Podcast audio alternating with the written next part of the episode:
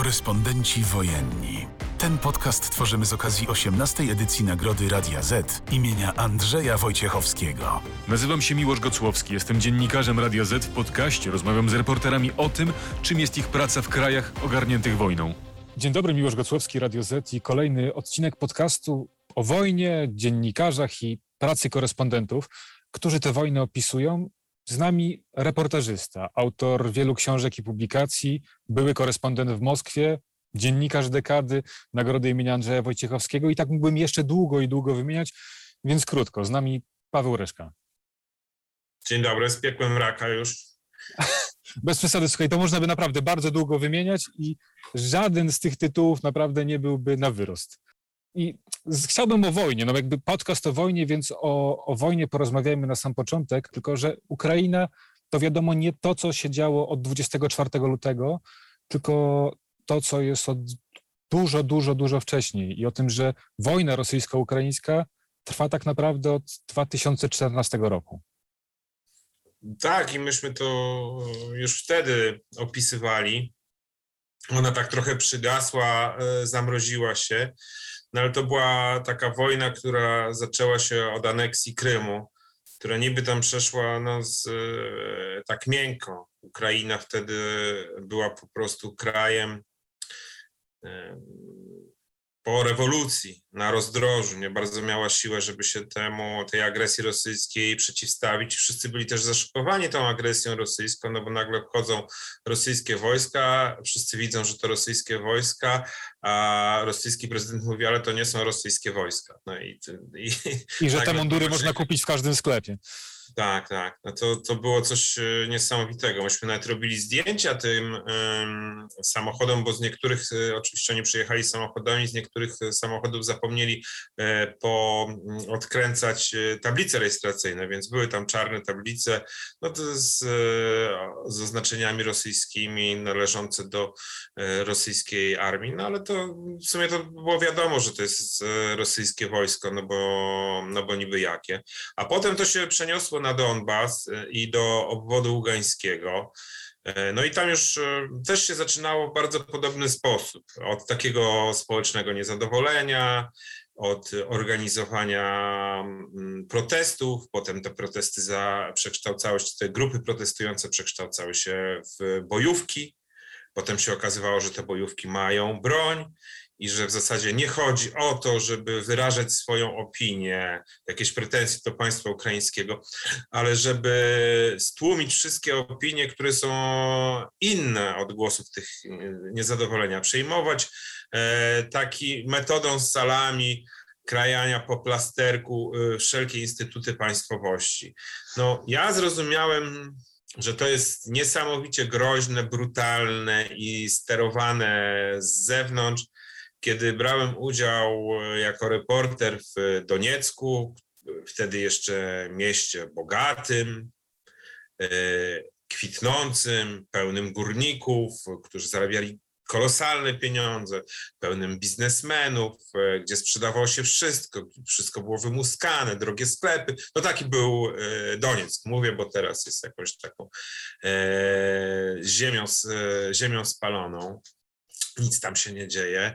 No więc e, Ukraińcy postanowili zorganizować proukraińską e, demonstrację.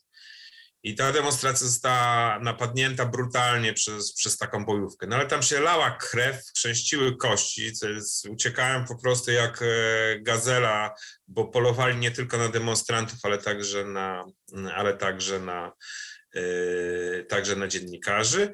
No i zaraz potem miałem rozmowę z tymi separatystami, zaraz po rozgonieniu w zasadzie tego samego wieczora i e, wpuścili mnie nawet do budynku. Widziałem, że tam już jest bardzo dużo broni, e, że na pierwszej linii stoją ci właśnie demonstranci, ci e, lokalni górnicy, no, którzy, którzy zostali namówieni, żeby się przyłączyć do separatystów, ale w drugiej linii stoją regularne wojska, komandosi rosyjscy, świetnie uzbrojeni, którzy nie chcą się pokazywać, e, którzy tylko czekają e, na sygnał do tego, żeby wejść do walki. Potem to się przeniosło do Słowiańska, no, gdzie już wiadomo, co, co się działo, że, że, że dochodziło do strzelanin, do, zostały zbudowane barykady. No system był ten sam, tak?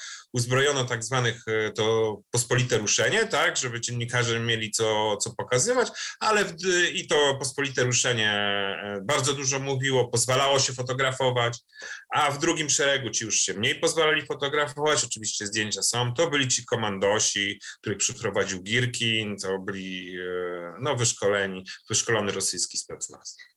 Zacząłeś od Krymu i powiem szczerze, że ja mam pewnego rodzaju problem z Krymem, bo o ile wiadomo, że to referendum, które zostało zorganizowane, no nie miało wiele wspólnego z, z jakąś rzetelnością czy uczciwością, ale jeśli by zostało rzeczywiście zorganizowane tak lege artis, to czy te wyniki byłyby znacznie różne? To tego nie możemy powiedzieć, ale ja wiem o czym mówisz, że na Krymie e, bardzo długo były nastroje prorosyjskie. E, mówisz też o tym, że Ukraina ewidentnie z Krymem sobie nie radziła ponieważ e, Krym był synonimem korupcji, był synonimem złodziejstwa, no te wszystkie posiadłości i oligarchów, samego byłego prezydenta Janukowicza rozciągały się na hektary, a to jest przecież no, taki najcenniejszy, taki klejnot w koronie ukraińskiej. Jak ktoś był na Krymie, to wie, że to jest przepiękne miejsce i każdy metr kwadratowej ziemi jest tam wart ogromną cenę, a oni po prostu kradli e, hektarami jak się przechodziło po stolicy Krymu, po Symferopolu, to ja się śmiałem, że tam, wiesz, nie było nawet jednej całej płyty chodnikowej. To wszystko było krzywe, wszystko było takie, no, no nie takie. A to jest taki, no, można to porównać z Sopotem, tak, że jak gdzieś tracisz pieniądze, to tracisz je na Krymie. Każdy chce przyjechać na Krym. No więc tylko robić interesy i tylko jakoś y, odbudowywać to. No a to szło w zupełnie inną stronę. Paradoksalnie, E, największymi złodziejami na Krymie byli przedstawiciele tych prorosyjskich partii i partii regionów rządzących. Czyli tak naprawdę Krym się buntował przeciwko e, Ukrainie, którą sam trochę tworzył. No i gdzieś tam w tle niezwykle lojalna wobec Ukrainy, rdzenna ludność, Tatarzy krymscy.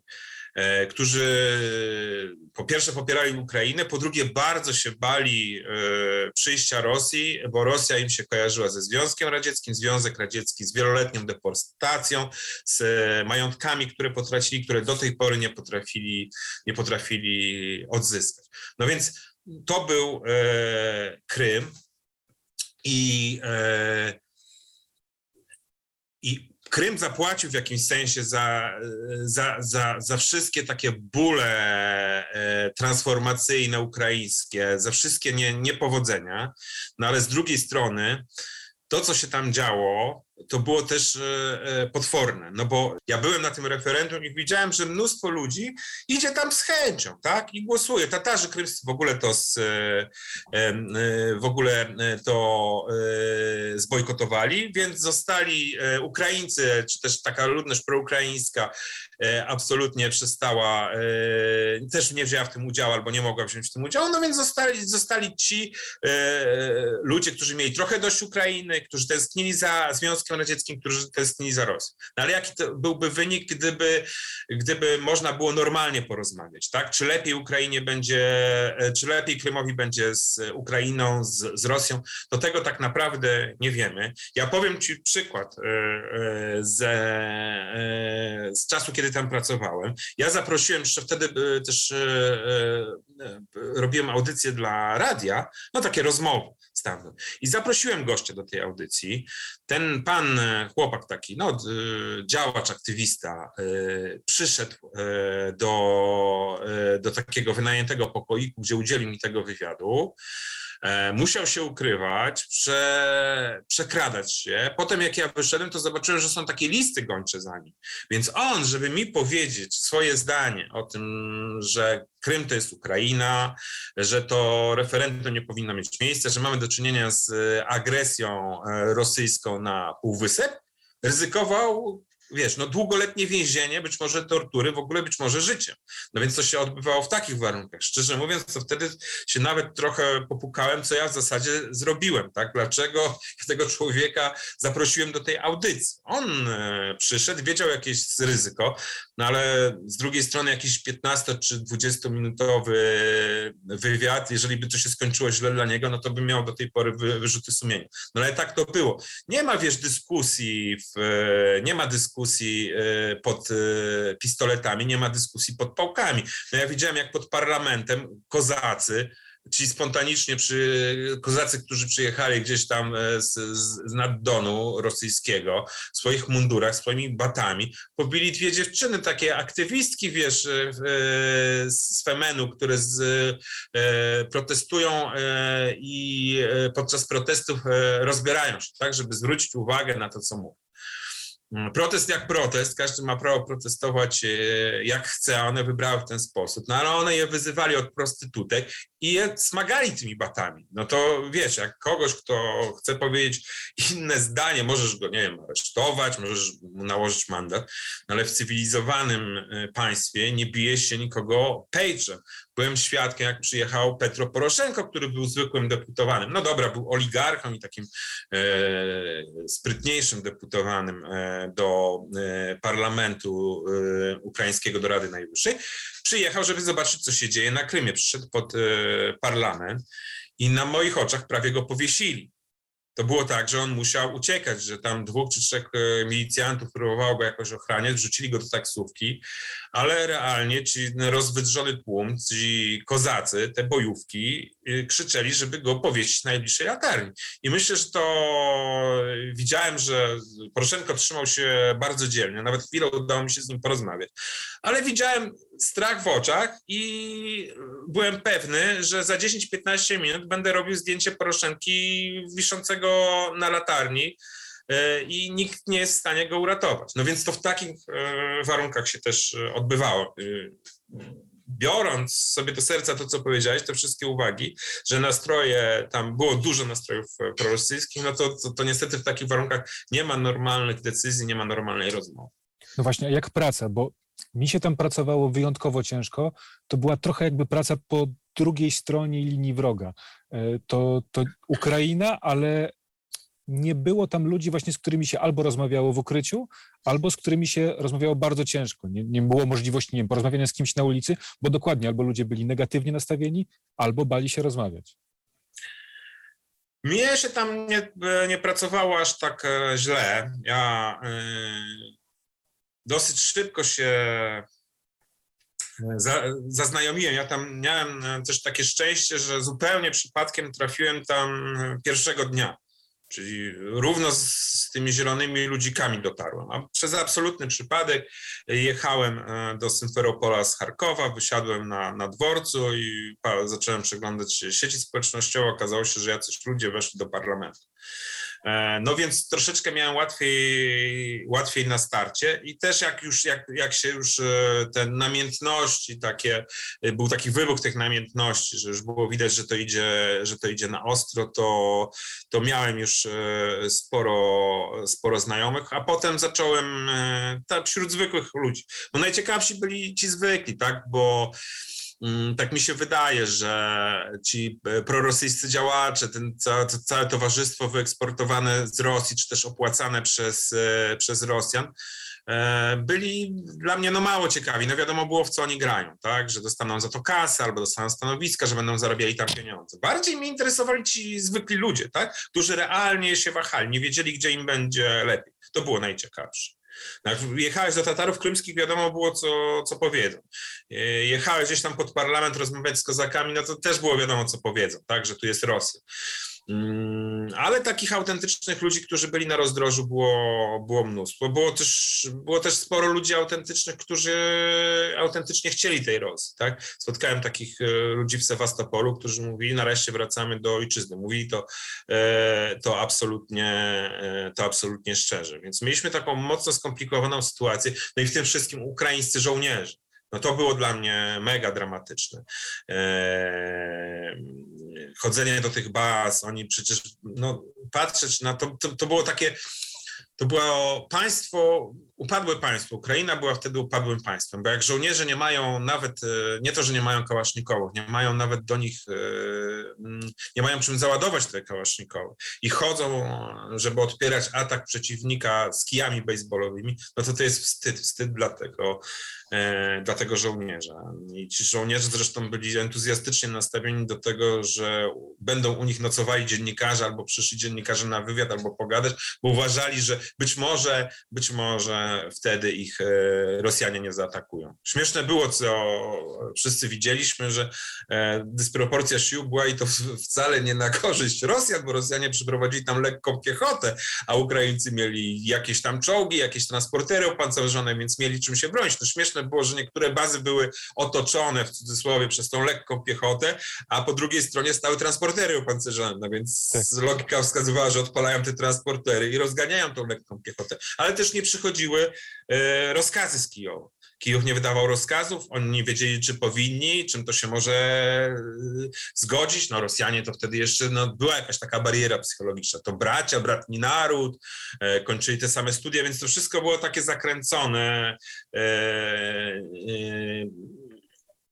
no i też te dramaty tych rodzin, nie? Przecież oni żyli w tych wojskowych blokach. Nie wiedzieli, czy ta, jeżeli podchodzili ci wysłannicy Rosji i mówili, no słuchajcie, gdzie wy pojedziecie? Gdzie, przecież oni was tam gdzieś w namiotach umieszczą. Zostańcie tutaj, zapiszcie się do naszej armii. Więc ci żołnierze byli tak, Kijów milczał, a oni byli każdego dnia namawiani, namawiani do, do zdrady i widzieli nieefektywność własnego państwa. No więc moim zdaniem być ukraińskim żołnierzem, sprzeciwiać się wtedy, to było bardzo wielkie bohaterstwo. Choć bardzo bardzo wielu z nich zdradziło też, e, nie ukrywajmy tego. No ale jednak e, patrząc na to, co, jak ta armia prezentowała się rok później, dwa lata później, nie mówiąc już o tym, jak prezentuje się teraz, no to był gigantyczny skok. To Ukraina zrobiła no, coś, coś niesamowitego. Postęp z takiego dziadostwa, z takich szwejków poprzebieranych w mundury, którzy nie mają niczego, w profesjonalną armię, bardzo karną, która potrafi się przeciwstawiać e, tej rosyjskiej Nawalnej, to był naprawdę gigantyczny gigantyczny postęp. No właśnie, bo ty to wszystko obserwowałeś. Po tym 2014 i Krymie 8 lat tak naprawdę do momentu, w którym znajdujemy się dzisiaj, w międzyczasie cały czas wojna na Donbasie. Wojna taka, mm, wojna taka trochę przygaszona, taka zamrożona, ale jednak e, ciągle trwająca, nie? bo jak trwa ostrzał, to, to giną ludzie.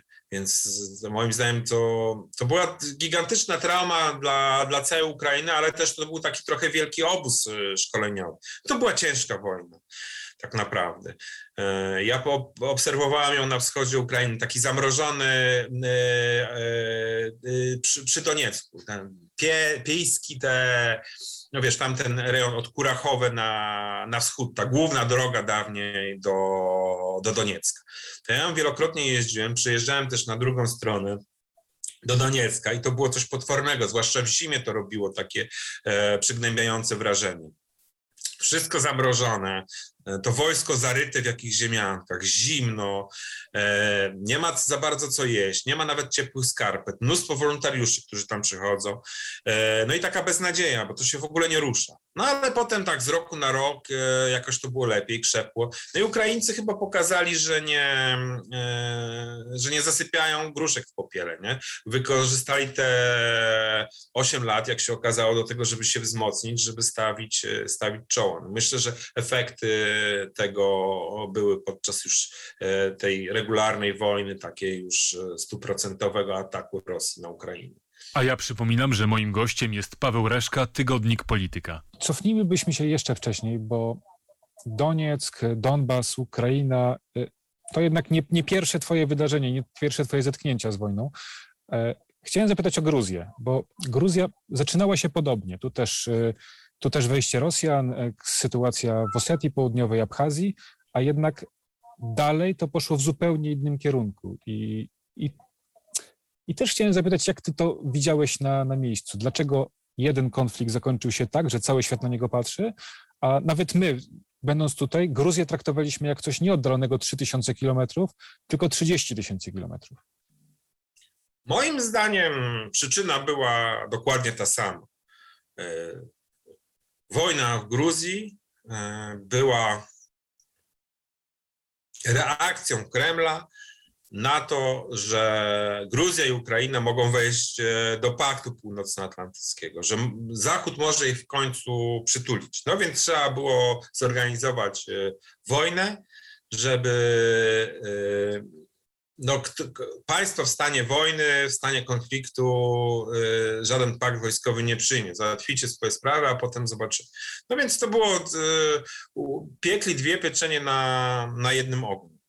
E, w 2008 roku się już bardzo głośno mówiło, że te dwa kraje mogą dostać obietnicę albo mapę drogową wchodzenia do NATO, no więc e, szybka wojna w Gruzji e, zamrażała nie tylko rozmowy z Gruzją, ale i z Ukrainą. Prezydent ówczesny Gruzji, Michail Saakaszwili, dał się sprowokować do tej wojny bardzo głupio myślał, że to mu szybciej pójdzie. W odpowiedzi na ostrzały ze strony osetyjskiej e, dał e, hasło, do, dał rozkaz zaprowadzenia konstytucyjnego porządku w Cchinwali. Wojska tam poszły, bardzo szybko doszły do, do no ale Rosjanie jakby tylko na to czekali, byli bardzo, byli, no czekali na to, przygotowani byli, natychmiast ruszyła kontrofensywa, Gruzini zatrzymali się dosłownie kilka kilometrów od centrum e, Tbilisi. Rosjanie, gdyby chcieli wejść, to by weszli. To była szybka wojna. E, Gruzja była gdzieś tam daleko. No, tak pamiętajmy, że dla świata to się skończyło w ciągu kilku dni. Tak. Oczywiście potem e, to wszystko trwało, bo była tak zwana strefa buforowa, którą nie wiadomo kto kontrolował, to niby Rosjanie ją kontrolowali, ale tak naprawdę kontrolowały takie bojówki osytyjskie.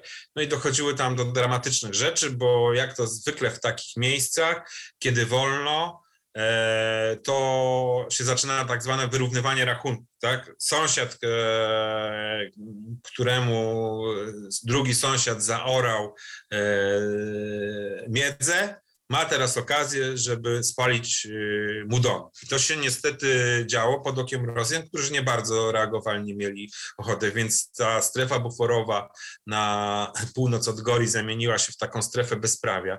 Ja tam pracowałem i to było no, takie przykre doświadczenie, bo widać było całe wioski kryjące się po jakichś sadach, ogrodach, mieszkające na łąkach, nie wychodzące, ludzi, którzy umierali, bo nie z takich banalnych, e, z banalnych powodów, bo na przykład nie dojechała karetka pogotowia, albo nie było jak przywieźć leków na nadciśnienie. No to, to jest takie y, no, w ogóle przygnębiające. Jak spadnie bomba, no to jest wojna, tak? A jak widzisz kogoś, kto za chwilę umrze, bo y, nie może dostać lekarstwa, albo lekarz nie może do niego przyjechać, no to, to, to, to jest w ogóle jakiś taki dramat. Myślisz sobie, kurczę, XXI wiek i takie, i takie rzeczy się dzieją.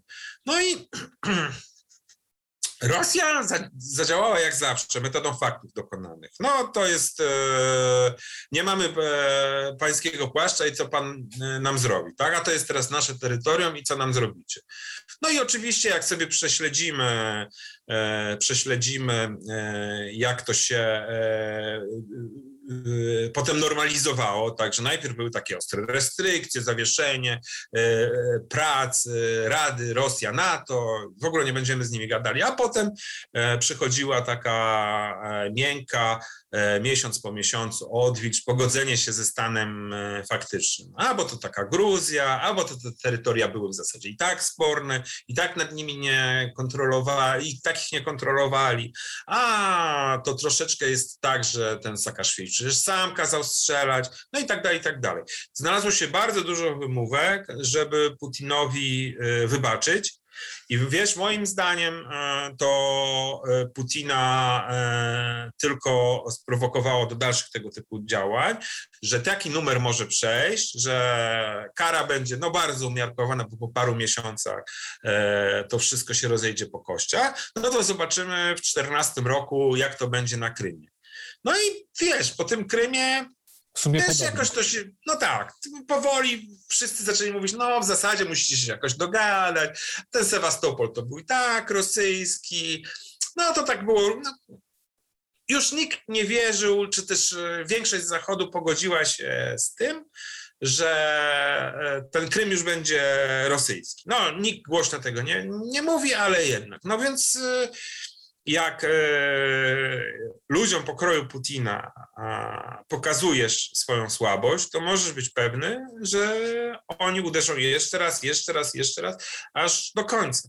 Każdy konflikt to jest jak taki biały króliczek wyciągany z, z kapelusza. Jak coś na rynku wewnętrznym idzie źle, no to zawsze można mm, e, rozpocząć e, małą zwycięską wojnę i powiedzieć, że to my jesteśmy zaatakowani i że nam się ten Krym należał, a i wtedy wszyscy spuszczą uszy po sobie, powiedzą tak, no nam się należy. Tak, nawet opozycjonista Nawalny nie, mo, nie mógł wprost powiedzieć, yy, że ten Krym się nam nie należał, bo by został wygwizdany przez yy, nawet ten, przez tę część społeczeństwa, która w jakimś stopniu go popierała, tak? Więc mówił, kręcił, że a czy Krym to jest kanapka, żeby ją oddawać od tak tak sobie. E, nie wiem, jakie są jego poglądy na Krym. Wiem, że powiedział to, co uważał za stosowne, żeby nie stracić poparcia. No, to znaczy, że e, zadziałało. Tak? Na rynku wewnętrznym akcja Krym, akcja Kanapka zadziałała. Tak jak wcześniej zadziałała akcja z Osetią, z Abchazją, e, no i tak dalej, i tak dalej. A teraz i potem z obwodem donieckim, ługańskim, no a teraz tak jak miała zadziałać operacja ostatnio e, z tym, żeby faszystowską huntę e, odsunąć od władzy w Kijowie, e, zająć co się da zająć i pod, pod naciskiem karabinów i czołgów znowu przytulić Ukrainę w braterskim uścisku i już jej nie wypuścić jak długo się da. No, akurat nie zadziałało, ale no rozumiem, że plan był taki. I tu nie zadziałało. Tu była ta, ta linia, przez którą już krok dalej się nie dało pójść. I, i tutaj się Putin prze, przeliczył dosyć mocno. I z czego to wynikało? Czy to z tego, że nie wiem, Ukraina jest bliżej, że jest bliższa nam, czy, czy więcej się o tym mówi, czy przez te okrucieństwa wszystkie, które dziennikarze pokazują na miejsce, że świat zrozumiał, że no, to już jest ten taki warunek, którego no, no, no nie sposób puścić. Mnie się wydaje, że e, Putin e, miał nie za dobre rozeznanie, mm, bo pierwszy punkt jest, dlaczego mu się nie udała ta operacja militarna, tak? Bo być może byśmy, bylibyśmy teraz w innym punkcie, wiesz, rozmawialibyśmy trochę inaczej albo w ogóle nie rozmawiali, gdyby w te trzy dni udało się Kijów e, zająć, tak? No wtedy byśmy mieli e, Zeleńskiego albo w więzieniu, albo na emigracji, tak? I byłby tam jakiś Miedwiedczuk albo ktoś wybrany na narodowy prezydent, prawdziwy, kochający e, e, Rosjan i Ukraińców, czyli w zasadzie ten sam naród, e, jeżdżący na Krem, wszyscy byliby zadowoleni, no i byłaby głupia sytuacja, tak? No bo... Czy też Janukowicz, który by wrócił i nagle i został. Albo Janukowicz. No tak, byłaby taka durna sytuacja, tak? Zrobiłoby się ogólnonarodowe referendum, że, że nie chcemy NATO i nie chcemy Unii Europejskiej, co by dało wszystkim gołębiom na Zachodzie bardzo dobry argument. Dobra, dobra, to kupujmy ten gaz. Ukraińcy w zasadzie sami tego chcieli, tak? No a tu nie wyszło. E, ja myślę, że Putin gorąco wierzył, że w 3-4 dni, może w tydzień da się to załatwić, że da się tam wejść do Kijowa i zaprowadzić porządek. Dlaczego on tak wierzył? To ja nie mam pojęcia. Być może dlatego, że go oszukiwano. Zobacz, jaka kasa gigantyczna szła, wiesz, na te proukraińskie, wiesz, projekty, tak? To znaczy, wiesz, brał jakiś tam Surkow, kupa złodziei, wiesz, e, e, na rozwój Doniecka, Ługańska i nastrojów prorosyjskich na całej Ukrainie. Kupowali sobie za to, wiesz, nieruchomości w Dubaju, e, w Moskwie, wiesz, no to były naprawdę gigantyczne pieniądze. Na raporty szły, tak? Dokładnie, no ale to tak to wszystkim. Ogromne no, no, pieniądze szły, gdzie trafiały, to już jest inna kwestia. No dokładnie. No a wiesz, a na biurko Putina być może trafiały raporty, że wszystko jest bardzo dobrze. A ukraińska armia to dziady, a Załęskiego w zasadzie nie lubią, bo się śmieją z niego, bo jest takim kabareciarzem, komikiem i to jeszcze takim, co słabo mówi po ukraińsku, a dowcipy to w ogóle, jak dowcip opowiada, to, to po rosyjsku. E, no i że to wszystko da się, e, da się elegancko załatwić. No a tu wyszło, że nie. I oni się bardzo szybko yy, o tym przekonali. Widać było, jakby, jaki był plan, że te wąskie kolumny pancerne tymi drogami szły jak najszybciej, jak najszybciej. Dojdźmy do Charkowa, dojdźmy do Kijowa, yy, zrobimy tam porządek. No ale jak patrzyliśmy na to, co się działo na północ od Kijowa, to było widać, jakim jest ciężko, jakim szło ciężko, tak? Że na drogach, wiesz, blokada i totalny ostrzał, a każda próba objechania to była zasadzka, nie? Jak zjeżdżałeś z tej głównej drogi, która prowadziła tam do Iziumu, no, e, przepraszam cię, do, e, e, do Borodzianki, tak, na przykład, no, no, do tych wszystkich miast, które były okupowane przez Rosjan, kiedy jeździliśmy, żeby jakby pokazywać te wszystkie zbrodnie Buczy i tak dalej, i tak dalej. Jak się zjeżdżało z tej głównej drogi, bo był korek, bo nie przepuszczali mu coś tam, przejeżdżało się przez te wsie, no to w co drugiej wsi był jakiś spalony ruski czołg. I to moim zdaniem też nie było takie w kij dmuchał. Bo jak się rosyjska kolumna czołg, pięć czołgów, e, dwa czołgi, osiem transporterów e, e, pojawiły w miejscowości A, po to, żeby objechać palącą się kolumnę, żeby gdzieś tam dojechać z punktu A do punktu B, no to ktoś musiał e, zadzwonić do e, sił zbrojnych Ukrainy, ktoś musiał je powiadomić, tak? Wtedy przybiegali ci żołnierze z e, RPG-ami, czyli z granatnikami przeciwpancernymi na ramionach i strzelali do tych czołgów. I te czołgi palili. Ale każdy, kto wykonywał ten telefon, wiedział, że najprawdopodobniej, że ma dużą szansę, że rozwalą mu dom, że że to jest regularna wojna, że ten rosy, ukraiński żołnierz jak będzie walił, to będzie walił po wszystkie, a rosyjski żołnierz będzie się bronił jak będzie mógł. No więc widzieliśmy mm, e, te wioseczki, którym e, miejsca zasadzek, gdzie wiesz, e, sady były popalone, domy były rozwalone, spalone. Widać było, że miejscowa ludność przeżyła dramat. I to nie jest tak, że to się dzieje w, w pustce, nie? Że, że ludzie nie wiedzą, co ich czeka. No jest internet, przekazują sobie zdjęcia i wiedzą, o kurde, jak e, wezmę tę komórkę i zadzwonię, to prawdopodobnie może się coś bardzo złego stać. Ale jednak, wiesz, brali. A ja przypominam, że moim gościem jest Paweł Reszka, szef działu krajowego polityki. Ale dzwonią. Tak, oni byli, wiesz, e, ciągle nie byli, wiesz, bezpieczni. Jak spalili tą e, kolumnę pancerną, której wszyscy widzieliśmy zdjęcia, to ludzie wychodzili z miasteczka i robili zdjęcia. Ja wiem, bo e, robiłem tam reportaże i Rosjanie byli absolutnie wściekli i przeszukiwali, wyobraź sobie, e, telefony komórkowe mieszkańców, żeby zobaczyć, kto robił zdjęcia i czy nie posyłali tam na Facebooka, czy ich to nie radowało. No ale jak patrzyłeś e, na tą e, ulicę wokzalną, to widziałeś, że oprócz tego, że te ruskie czołgi, transportery, cysterny są zniszczone, to też widziałeś, że te wszystkie domy są, kurde, popalone, wiesz, niektóre zgruzowane do fundamentów od wybuchów. A jednak, e, wiesz, ludzie nie mówili, kurde, co to ukraińskie wojsko tam robiło, e, dlaczego oni strzelali do kolumny w mieście, tylko robili zdjęcia i się z tego radowali. To był taki, wiesz, znak, że nie będzie łatwo, nie będzie lekko. Oni bardzo szybko się o tym przekonali, no a potem wiesz, no jak Ukraińcy się bronią, to moim zdaniem to też był taki dobry przykład dla, dla świata. Także, że może nie, nie ma co się e, e, odwracać plecami.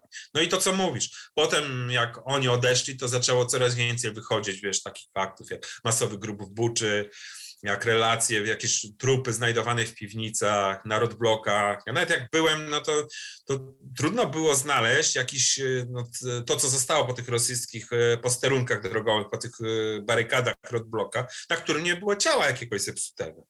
No więc y, jak ja tam byłem chyba tydzień po tym, jak oni, kilka dni po tym, jak oni wyszli, a ciągle były trupy i na każdym, no to mogę sobie wyobrazić, co tam się działo, tak?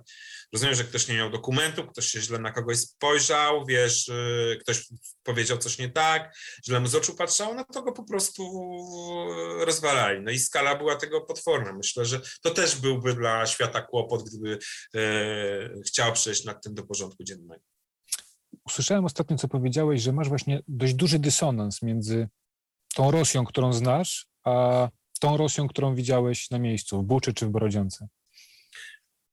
No tak, to taki, to też ta wojna ma taki dla mnie osobisty, osobisty wymiar, bo ja i mieszkałem w Rosji i też e, jestem byłem przez lata zafascynowany y, Rosją i wydawało mi się, że trochę znam ten kraj. Jakbym wziął, y, o tam masz plakat, z, y, ten żółty to jest z Mistrza i Małgorzaty, jeszcze się nie pozbyłem. Jakbyśmy popatrzyli w tamtą stronę, byś zobaczył moją biblioteczkę, dwie czy trzy pierwsze półki, to są wyłącznie książki dotyczące Rosji po rosyjsku. No i nagle dzieje się coś takiego ja jak e, wydaje mi się, że co do rosyjskiej armii, co do tego żołdactwa, to, co do tej soldateski, oni tacy są. Bardziej mnie zmroziło milczenie elit, tak? E, to, że w zasadzie sprzeciw był minimalny. Wiem, że można pójść za to do więzienia, no ale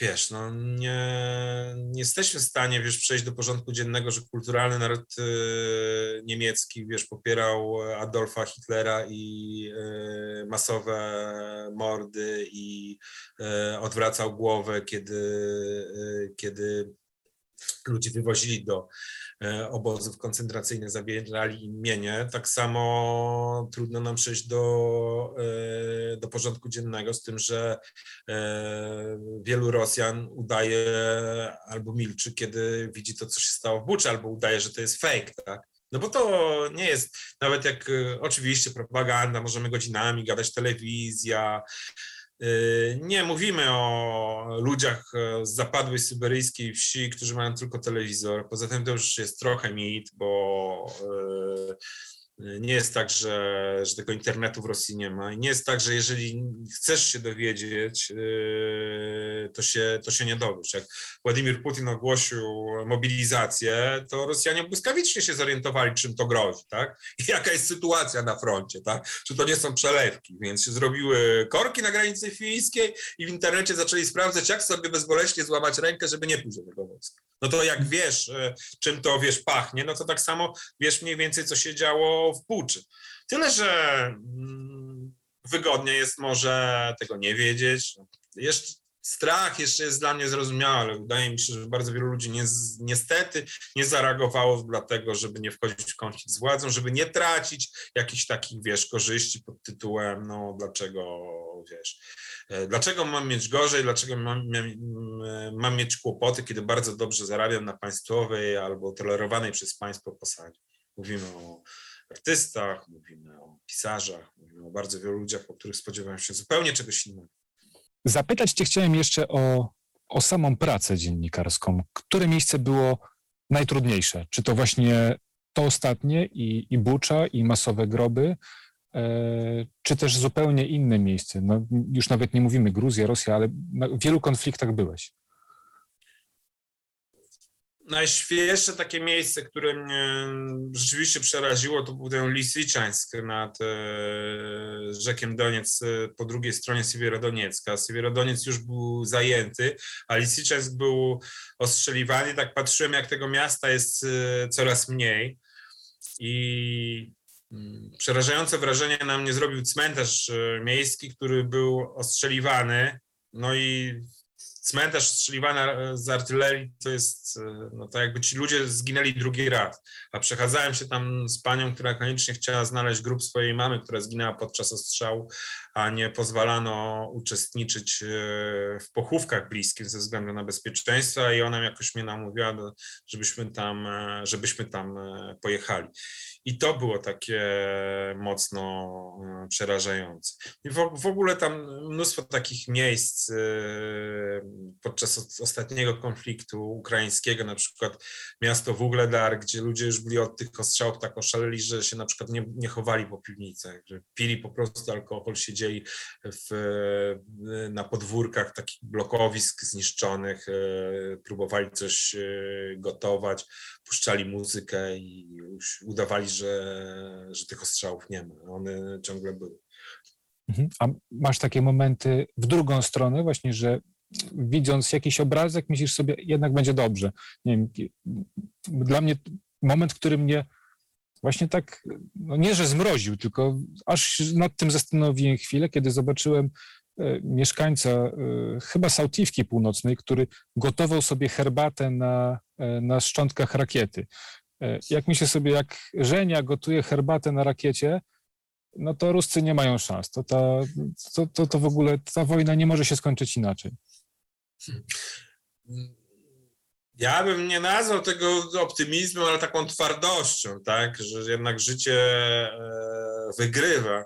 E, mnie się podobało takie miejsce na, na, na, na froncie, taka przyfrontowa kawiarenka, w zasadzie taki sklep był, e, sklep, gdzie podawali kawę. Pani wstawiła ekspres do kawy, a że łapał tam telefon komórkowy, to całe wojsko się tam zatrzymywało, żeby kupić sobie chleb, Coca-Colę, E, jakieś napoje energetyczne, no i żeby wypić kawę. Wszyscy się rozkładali na łące i dzwonili do swoich, e, do swoich bliskich. E, jeden z chłopak, którego znałem z, z brygady takiej szturmowej, taki desantowiec, młody, wyglądał jak dzieciak, dzwonił do mamy, mówił, że je loda, a mama mówiła mu, żeby uważał na gardło, bo się może przeziębi. Myślałem sobie, bo wiedziałem, gdzie ta brygada stacjonuje, pomyślałem sobie, że akurat przeziębienie to jest najmniejsza rzecz, która może go spotkać też mnie tak e, budowało to, jak ci żołnierze ukraińscy się zachowują, e, bo oni zajmowali domy w e, we wsiach opuszczonych, opuszczonych e, w większości dlatego, że były już zbyt blisko frontu, żeby e, tam dawało się żyć. Organizacja była dość fajna, ponieważ wszyscy zostawiali klucze u sołtysa, a sołtys e, je rozdziela. Mówi, tutaj macie dom, który należy do tego i tego, no i sobie, sobie mieszkajcie. Śmieszne, bo akurat desantowcy dostali kiedyś dom z krową, no i przyszli do tego sołtysa i mówią, no ale tam jest krowa, co mam robić? No macie ją doić. No i ale fajne było też to, że, e, że ci żołnierze, bo jak wiadomo, wojna nie składa się tylko z walczenia, ale też z długich okresów tego, że się, no, że, że nie ma tej walki, że się czeka, aż nastąpi szturm, aż wyszlą na pierwszą linię. Mm, ci żołnierze są ciągle rotowani, wobec czego e, te wioski naprawdę moim zdaniem wyglądały lepiej e, po wojnie niż przed wojną, bo oni tam z nudów robili, wiesz, letnie kuchnie, jakieś takie prysznice letnie, te wsie wschodnie były takie dosyć biedne, ale koledzy moi e, e, czołgiści rzeczywiście zrobili tam mega fajną e, letnią kuchnię, umywalkę i prysznic, taki właśnie też letni i powiedzieli, że zaraz się biorą za toaletę, bardzo im przepraszają, że toaleta jest w takim stanie, ale wkrótce już będzie w dobrym stanie. Natomiast to są wszystko takie... Mm, motywy, epizody, które nie, prze, e, nie, e, nie przykrywają potworności tej wojny. Nawet uważam, że, że, że w żadnej wojnie, a w tej to już zupełnie nie ma, nie ma nic dobrego i, te wszystkie opowieści o udanych atakach, o skrzydleniach, o strzałach, zwycięstwach, zawsze, e, zawsze w tyle głowy mam to, że, że są jacyś ludzie, którzy za to zapłacili, tak? I żołnierze, ale przede wszystkim e, ludzie, ludność cywilna, która absolutnie nie ma, nie ma wyboru. Ja pamiętam, nie wiem, czy tam byłeś w Piskach, był taki jeden dom, jeden czy dwa domy były zamieszkałe, wszystko było rozwalone, a jeden czy, czy, czy, drugi dom był, był zamieszkały przez ludzi. To było coś niesamowitego, bo oni zostali w, w, takim miasteczku, które było w zasadzie przedmieściem Doniecka i lada chwila mogło się stać, nie wiem, takim Konstancinem, czy Podkową, albo częścią mhm. tego Doniecka.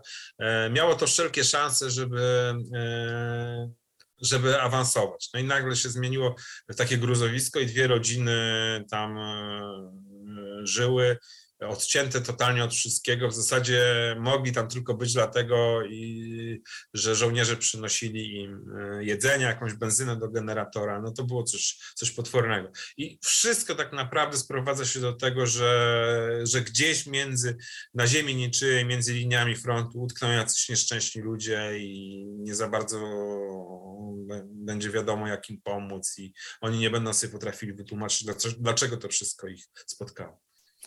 Pytam to każdego, bo właśnie z całą tą potwornością, którą widzisz tam na miejscu, jak sobie radzisz po przyjeździe do Polski, kiedy wychodzisz z, no, z pracy gdzieś na froncie, czy na froncie, czy po prostu na wojnie i wracasz do domu i nagle toczy się normalne życie? No tak, to jest takie hamowanie, bo tam e, spotykałem się z rzeczami takimi bardzo zasadniczymi, tak.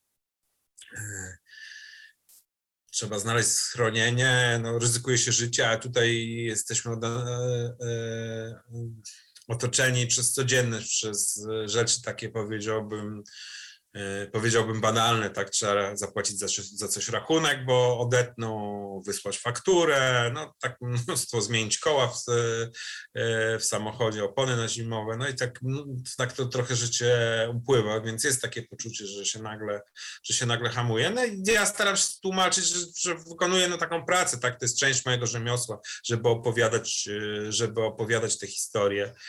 E, staram się, żeby te powroty były, no, cieszyć się z tych po, powrotów, nie? nie żyć życiem e, bohaterów e, swoich. Uważać, że tu jest ten realny świat, choć czasami wydaje nam się, że właśnie realny świat jest tam. Wydaje mi się, że jeszcze nie, nie sfiksowałem, choć E, moja żona czasem powtarza, że jak myślisz, że nie sfiksowałeś, to szkoda, że, że nie słyszysz tego, co, co czasami krzyczysz w nocy. Nie masz czasem dość? Po prostu nie myślisz sobie, dobra, już, już nie chcę tam jechać. No, czasami tak jest, ale z drugiej strony mm, to też jest e, ciekawe, nie? Opowiadanie tych, e, tych historii. To jednak widzisz ludzi w sytuacjach ekstremalnych, nie? Um, to jest coś niesamowitego, tak? Jak e, kiedyś spotkałem takiego Jurka Sawczuka w 2014 roku, gdzieś tam w zimie na, e, na, na wschodzie Ukrainy, e, który na, na, samej linii, na linii frontu, który był desantowcem z Pskowa, który sko skończył, wiesz, uczelnię w Pskowie i walczył po stronie Ukrainy, a po drugiej stronie, 300 metrów dalej, byli jego koledzy z tej samej uczelni, którzy walczyli e, po stronie rosyjskiej. A mówi, że to niesamowite, bo on wie, kto tam jest. Oni do siebie krzyczą, oni wszystko wiedzą, oni strzelają do siebie. No, to są takie, wiesz, no, absolutnie niesamowite, niesamowite historie. Wszystko to jest y, bardzo ciekawe, no i dużo można się dowiedzieć y, o ludzkiej naturze, nie? że te, to jest wiesz, jakieś takie kurde tajemnicy, co, co w nas tkwi, że, że takie rzeczy ciągle są, są możliwe, nie? Że, że, że to się dzieje na naszych oczach, że, ludzie potrafią innych ludzi, wiesz, zamknąć w jakiejś piwnicy i kurde torturować. No, torturowanie to jest jakiś wysiłek, tak? Możesz kogoś chcieć zmusić do mówienia, okraść go, e, no, zabrać mu coś, no ale zabijanie dla zabijania, torturowanie dla torturowania, no spotykasz się ciągle z jakimiś takimi zagadkami, no i nie wiem, no to jest ciekawe, tak? Więc czasem mam dość, ale też czasem myślę, że, że warto to, że warto to opowiadać. Wspomniałeś o żonie. Jak żona na to reaguje, kiedy mówisz jej, że kochanie, znowu jadę? Źle. Źle, no już tyle razy obiecywałem, że, że nie, no ale też wydaje mi się, że jakby, że jakby rozumiem. Teraz nie ma tego problemu, mam rozwalone kolano i muszę, muszę siedzieć, nigdzie się, nigdzie się nie mogę ruszyć, więc wygląda na, na spokojniejszą. E, ale no, myślę, że Myślę, że to jest, y, że to jest problem, tak? Y, że no jak ktoś znika nagle, tak, odzywa się raz dziennie, ale się nie ma jak odezwać i musisz y, wierzyć, że, że, że wszystko jest w porządku, że to jest jednak gigantyczne, gigantyczne obciążenie psychiczne. Ja tego nie bagatelizuję. Wydaje mi się, że to naprawdę te osoby, które wytrzymują te nasze wyjazdy, to są święci ludzie. Paweł, dziękuję Ci serdecznie za rozmowę. Wiem, że kiedy naprawisz kolano, to się widzimy tam na miejscu. Tak jest, do zobaczenia na miejscu. Będę się starał szybko zdrowić, no i uważaj tam na siebie, a ja w miarę możliwości szybko dojadę. Moim gościem był dziś Paweł Reszka, szef działu krajowego polityki. Korespondenci wojenni. Ten podcast tworzymy z okazji 18. edycji Nagrody Radia Z imienia Andrzeja Wojciechowskiego.